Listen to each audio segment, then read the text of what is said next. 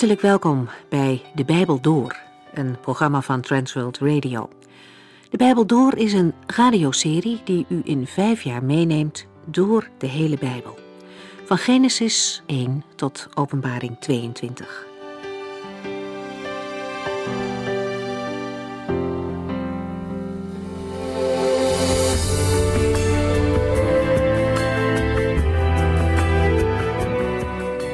Wat fijn dat u weer luistert naar deze serie over de brief die de apostel Paulus schreef aan de gemeente in Filippi. We hebben een begin gemaakt met hoofdstuk 2. In de eerste verse daarvan snijdt Paulus een minpuntje aan. Hij doet dat op een vriendelijke en aansporende manier. In de gemeente namelijk is oneenigheid en daar moeten ze wat aan gaan doen. Dat moet opgelost worden. Paulus begint zijn vermaning door hen op een viertal feiten te wijzen. Er is onderlinge bemoediging en troost in de gemeente. Er is een liefdevolle omgang met elkaar en ontferming. En Paulus is blij om dat te zien.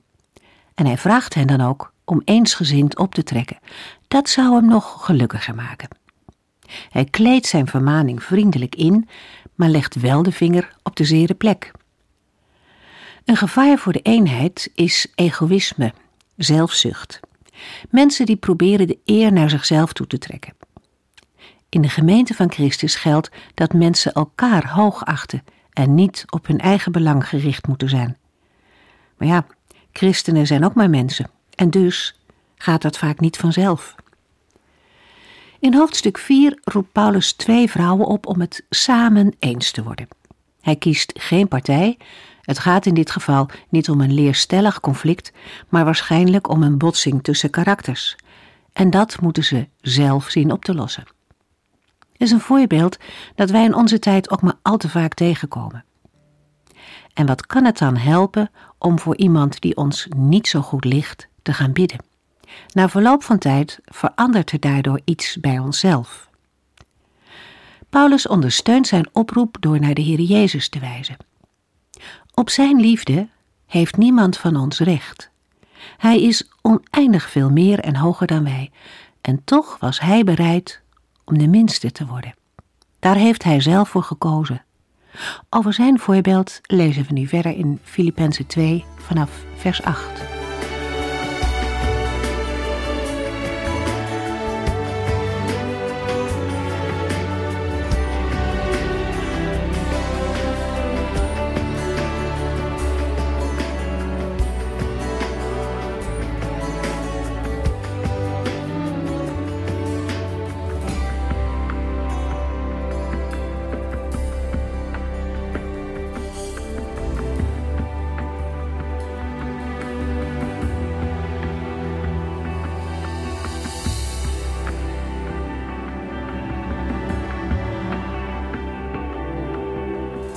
Vorige uitzendingen hebben we gelezen dat de apostel Paulus de Filippenzen vermaant tot volharding in de geestelijke strijd. Daarmee moeten zij zich niet door tegenstand en lijden laten afschrikken. Eensgezind, zonder egoïstisch te zijn en met een nederige houding, moeten zij het voorbeeld van Jezus Christus volgen, die zich met zijn komst op aarde vernederde tot in de dood. Daarom werd hij door de Vader verhoogd, ontving de naam van de Heer en Zoon van God en zal eens door de hele schepping worden geëerd. Met het oog op die toekomst moeten de gelovigen zich inzetten, waardig aan hun christelijke roeping, door een onberispelijke levenswandel. De apostel schreef in Filippenzen 2 vers 5 Blijf erop toezien dat uw innerlijke houding moet zijn zoals die van Christus Jezus. In gezindheid en handelen is Christus het voorbeeld voor een gelovige. De apostel Petrus brengt dat onder woorden in 1 Petrus 2, vers 21 tot en met 25. Al dit lijden hoort bij het leven waartoe God ons geroepen heeft. Christus, die voor u geleden heeft, is het voorbeeld dat u moet volgen, en in zijn voetstappen moet u treden. Hij heeft niets misdaan en zei nooit een verkeerd woord. Als hij beledigd werd, zei hij niets lelijks terug. Als mensen hem pijn deden, dreigde hij niet het hun betaald te zetten. Hij liet het allemaal over aan God, die rechtvaardig oordeelt. Hij heeft onze zonden gedragen in zijn eigen lichaam, toen hij stierf aan het kruis. Daardoor zijn wij nu dood voor de zonde en kunnen wij voortaan leven zoals God het wil. Want de wonden in zijn lichaam hebben ons genezen. Vroeger zwierven wij allemaal rond als verdwaalde schapen, maar nu bent u teruggekeerd naar de herder, naar hem die onze zielen onder zijn hoede neemt. Paulus roept op in Filippenzen 2 vers 5 en 6 Blijf erop toezien dat uw innerlijke houding moet zijn zoals die van Christus Jezus, die, hoewel hij de gestalte van God had, zich niet heeft vastgeklampt aan zijn goddelijke rechten. In de vorige uitzending hebben we gezien dat met deze woorden de menswording van Christus wordt bezien onder praktisch gezichtspunt. De versen die nu volgen geven geen dogmatische uiteenzetting over de twee naturen van Christus. En de woorden en uitdrukkingen die worden gebruikt zijn ook geen filosofische begrippen en moeten we ook niet als zodanig opvatten. Bijbeluitleggers geven aan dat de versen 6 tot en met 11 de vorm hebben van een lied. Een lied over Christus, dat mogelijk zijn oorsprong had in de Hebreeuws of Aramees sprekende christengemeente in Israël. Het lied heeft de vorm van een psalm met steeds twee parallelle regels, een vormgeving die we ook in een aantal psalmen hebben ontdekt. In de eerste regels wordt het bestaan van Christus bij God voor de schepping bezongen. We lazen: Christus Jezus, die, hoewel hij de gestalte van God had, heeft zich niet vastgeklampt aan zijn goddelijke rechten. In 2 Korintiërs 4 schrijft Paulus in het kader van het feit dat Satan mensen verblindt en God ogen en hart van mensen opent over Christus als gestalte van God. 2 Korintiërs 4 vers 4 De God van deze wereld, de duivel, heeft hen verblind, zodat zij het goede nieuws, het evangelie, niet geloven. Zij zien het stralende licht van Christus niet, die het beeld van God is. Paulus geeft daarbij aan dat het daarbij niet om hem gaat, maar om Christus. Hij schrijft in 2 Korintiërs 4 vers 5 van onszelf zeggen wij alleen dat wij u willen dienen ter wille van Jezus. Want God die gezegd heeft: laat er licht in de duisternis zijn, heeft in de duisternis van onze harten geschenen en ons doen inzien dat Zijn heerlijke glans van Jezus Christus afstraalt. Luisteraar, ziet u het stralende licht van Christus? Heeft Zijn licht ook al in de duisternis van uw hart geschenen? U mag er de Heer om vragen. Christus Jezus heeft zich niet vastgeklampt aan zijn goddelijke rechten. De eerste Adam zwichtte voor de verzoeking van de duivel om het aan God gelijk zijn te verkrijgen. Maar Christus heeft zich niet vastgeklampt aan zijn goddelijke rechten. Terwijl de duivel ook hem heeft verzocht, net als Adam in de Hof van Eden. Maar Christus weerstond de verzoeking van de duivel. Hij wilde door gehoorzaamheid aan de Here de heerschappij ontvangen. In Filippenzen 2 vers 9 lezen we: Daarom heeft God hem de hoogste plaats en de allerhoogste titel gegeven. Christus heeft zijn grote macht en heerlijkheid vrijwillig afgelegd. Het is de eerste van de zeven stappen van zijn vernedering. De eerste stap omlaag was toen Christus Jezus de hemelse heerlijkheid verliet. Hij kwam naar deze aarde, naar de plaats waar u, jij en ik leven. Wat hij heeft gedaan gaat ons begrip te boven. Wij kunnen de hoogte, diepte, lengte en breedte niet begrijpen van de strekking van deze woorden. De bereidheid en de overgave, als ook het verlangen van Christus om de wil van God de Vader te doen, is om stil van te worden. Het was de liefde tot en zijn gehoorzaamheid aan de Vader die hem tot deze eerste stap drong. Niets kon hem tegenhouden om vanuit de hemel naar de aarde te komen. De tweede stap omlaag die de Heer Jezus maakte in zijn vernedering, vinden we in Filippenzen 2, vers 7. Integendeel, hij legde zijn grote macht en heerlijkheid af, nam de gestalte aan van een dienaar en werd een mens. De ontlediging van zijn goddelijke rechten is niet hetzelfde als het afleggen van zijn godheid. Johannes schrijft in Johannes 1, vers 1 tot en met 5. In het begin was het woord en het woord was God. Het woord was bij God in het begin. Door het woord is alles ontstaan en zonder het woord is niets ontstaan van alles wat bestaat. In het woord was leven en het leven was het licht voor de mensen. Het licht schijnt in de duisternis en de duisternis heeft het niet in zijn macht kunnen krijgen. En in Johannes 1, vers 14: Het woord werd een mens en leefde een tijd lang onder ons. Hij was vol genade en waarheid, en wij hebben gezien hoe groot hij is, de enige zoon van de Hemelse Vader. Ten slotte in Johannes 1, vers 18: Niemand heeft ooit God gezien, maar zijn enige zoon, die één met hem is, heeft ons laten zien wie God is. Deze Jezus Christus, het Woord, Gods enige Zoon, God zelf, leefde onder ons op deze aarde, met de beperkingen die alle mensen ondervinden. Maar Hij bleef God.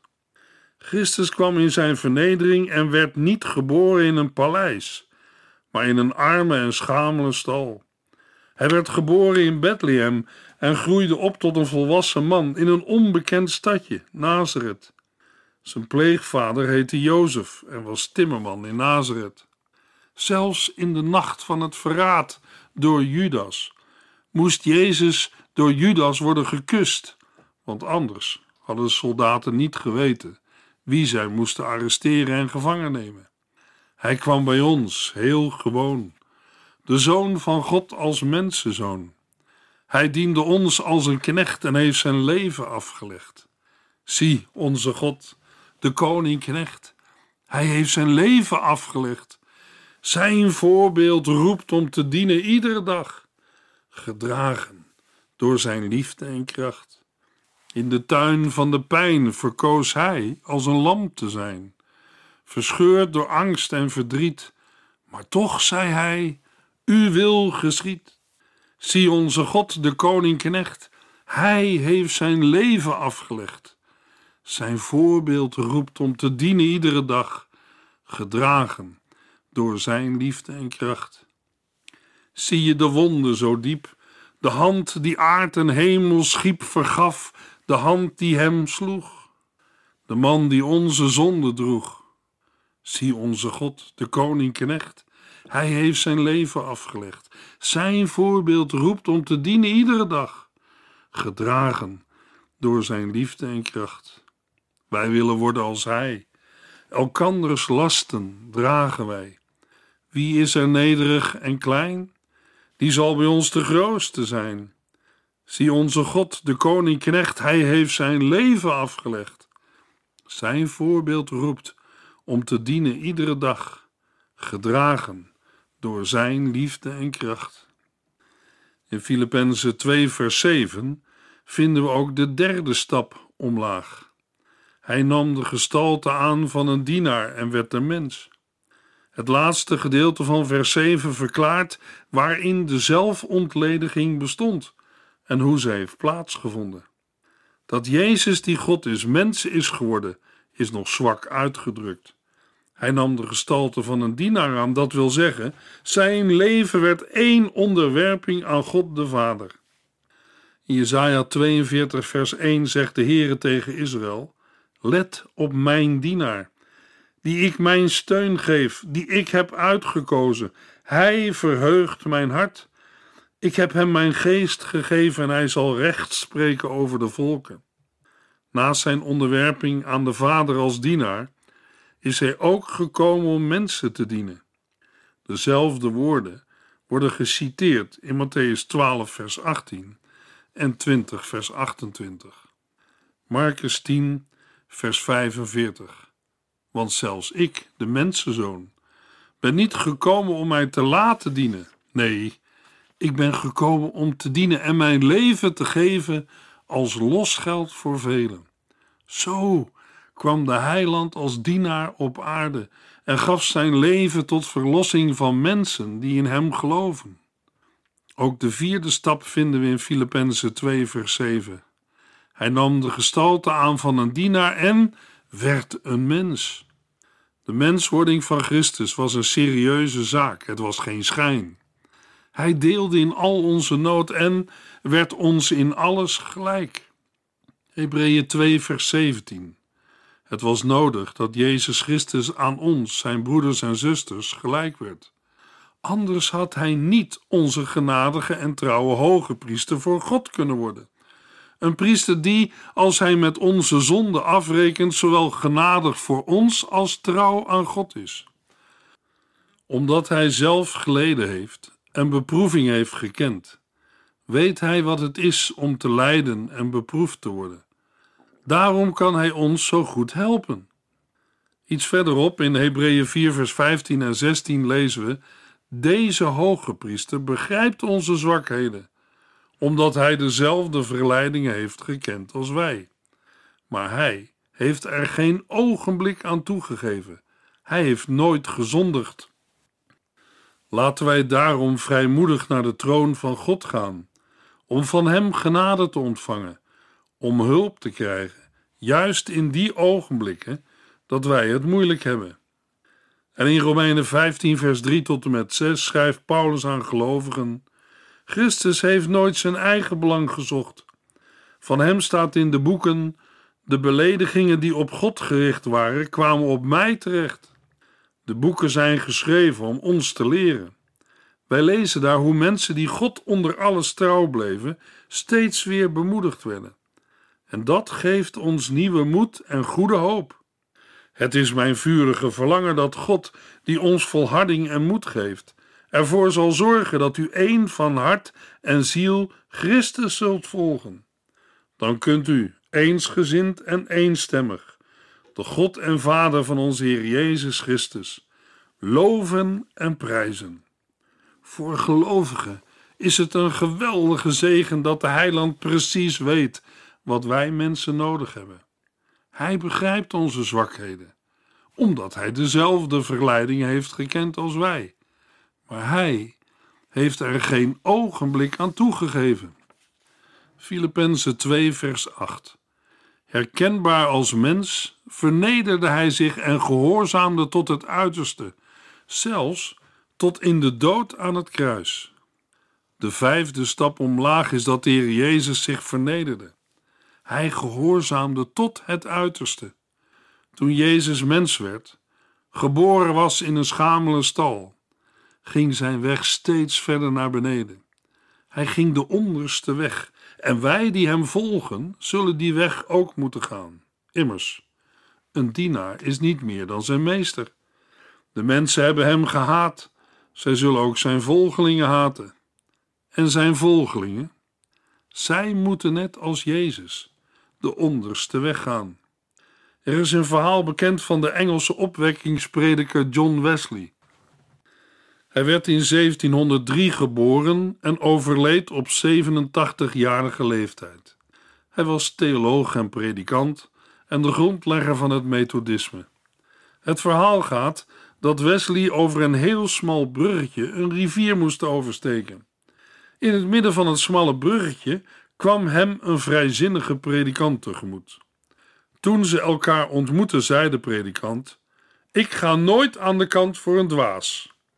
Wesley keek hem een ogenblik aan en zei toen: Ik ga altijd voor een ander aan de kant. Luisteraar, het valt voor een mens niet altijd mee om de minste te zijn en te kiezen voor de onderste weg. Maar de Heer Jezus deed dat wel. Een christen hoort anders te zijn als Christus. En hij is anders. Hij vernederde zich en gehoorzaamde tot het uiterste. In Efeziërs 4, vers 20 tot en met 25 schrijft Paulus aan de gelovigen: Maar zo hebt u Christus niet leren kennen. Als u werkelijk zijn stem hebt gehoord en hij u de waarheid over zichzelf heeft bekendgemaakt, moet u uw oude menselijke natuur als oude kleren uittrekken. Uw vroegere manier van leven, die te gronde gaat aan bedrieglijke begeerten. Uw denken moet grondig vernield worden. Sterker nog, u moet een heel nieuwe mens worden, die alleen voor God leeft, zuiver en goed. Trek een nieuwe natuur aan als een stel nieuwe kleren. Houd op met liegen. Vertel elkaar de waarheid, want wij horen bij elkaar en zijn delen van hetzelfde lichaam. De vernedering van Christus gaat nog verder in Filippenzen 2, vers 8. Hij vernederde zich zelfs tot in de dood. Het is de zesde stap omlaag. In het voorgaande hebben we gelezen dat Christus nooit eigen eer heeft gezocht, maar steeds de minste was en allerlei vormen van verachting en spot heeft verdragen. Daarbij was gehoorzaamheid aan zijn Vader de diepste drijfveer van zijn handelen en spreken. Johannes 4, vers 34 zegt Jezus: Mijn voeding is het doen van de wil van God, die mij gezonden heeft, en het volbrengen van zijn werk. In Gelaten 4, vers 4 en 5 lezen we over het werk van God, maar toen de juiste tijd gekomen was, de tijd die God daarvoor had bepaald, stuurde God zijn zoon, die als mens uit een vrouw werd geboren en aan de wet onderworpen was. Hij zou ons vrijkopen van die wet, zodat God ons als zijn kinderen kon aannemen. De prijs die de Heer Jezus betaalde voor het vrijkopen van zondige mensen was zijn leven. De heiland vernederde zich tot in de dood. Zijn overgave is aangrijpend. We hebben het gelezen in Hebreeën 10, vers 5 tot en met 7. Daarom heeft Christus, toen hij in de wereld kwam, gezegd: God, u verlangde geen offers of offergaven, maar u hebt mij dit lichaam gegeven om het als offer te geven. Het offeren van dieren die voor u geslacht en verbrand werden om de zonde weg te nemen, gaf u geen vreugde. Toen zei ik, Jezus, hier ben ik om uw wil te doen, God, zoals in de boeken staat. We lezen daarna in Hebreeën 10, vers 10: door te doen wat God van hem vroeg, en eens en voor altijd voor ons te sterven, heeft Christus onze zonden vergeven en ons gereinigd. Luisteraar, Christus heeft zich voor u vernederd tot de dood aan het kruis. En ieder die in hem gelooft, zal leven, ook al is hij of zij gestorven. De dood is een verschrikkelijke vernedering, maar niet het laatste woord. De dood is een doorgang naar de eeuwigheid, de eeuwige dood of het eeuwige leven. Ook in uw en jouw leven moet het in dit leven tot een keuze komen aangaande Jezus Christus. Wat zal uw en jouw keuze zijn? Lag bij stap 6 het accent op de dood als de laatste vijand die uitgeschakeld moet worden? Bij stap 7 gaat het vooral over de manier waarop Jezus stierf.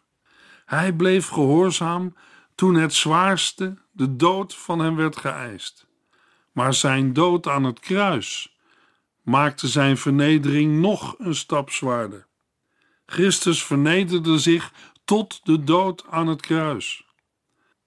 Kruisiging was bij de Romeinen veracht en mocht op geen enkele Romeinse burger worden toegepast. Dit aspect van de vernedering van de Heer Jezus moet de bewoners van de Romeinse kolonie Filippi bijzonder hebben getroffen en aangesproken. Voordat Jezus werd gekruisigd, werd hij ook nog gegezeld. Gezelen was oorspronkelijk een Romeinse straf, maar werd door de Joden overgenomen.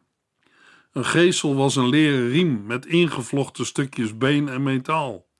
De Romeinen hadden de gewoonte om ter dood veroordeelden voor een kruisiging te gezelen. Laten we het laatste vers van deze uitzending nog eens recapituleren.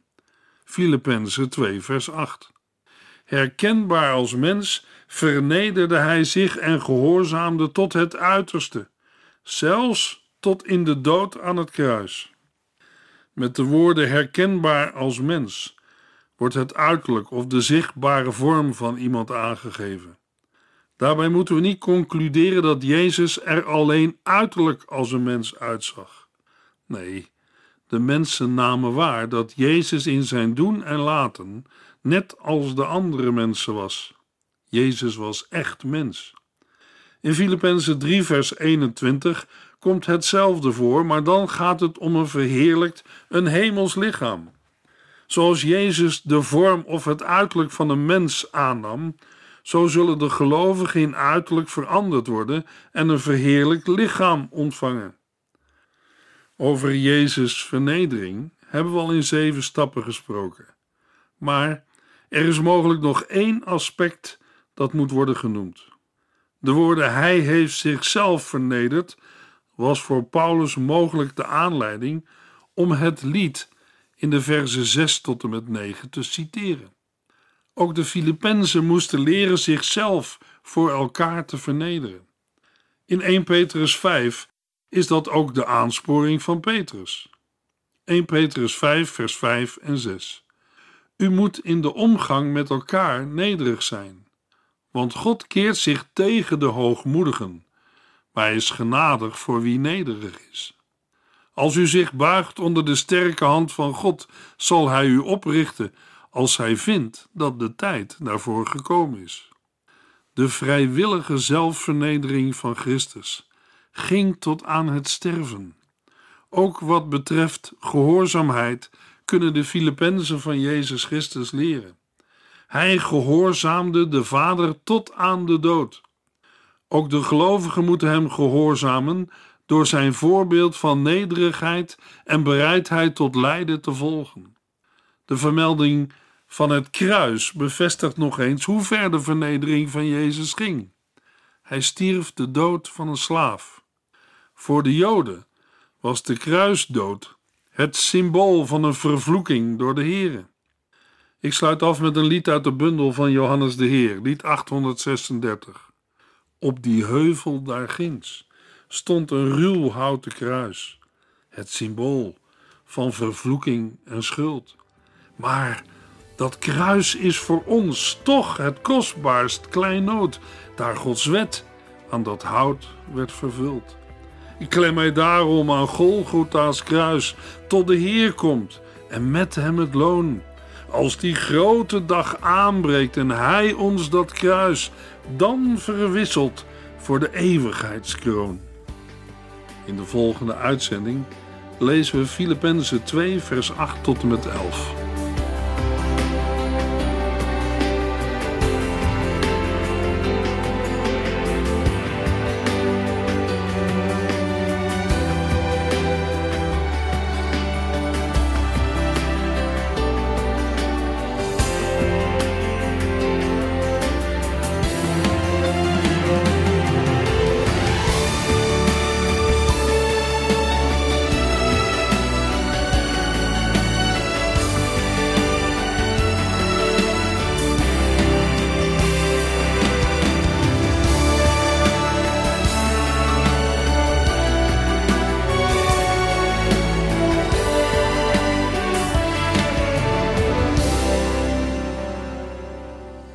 Geluisterd naar De Bijbel Door.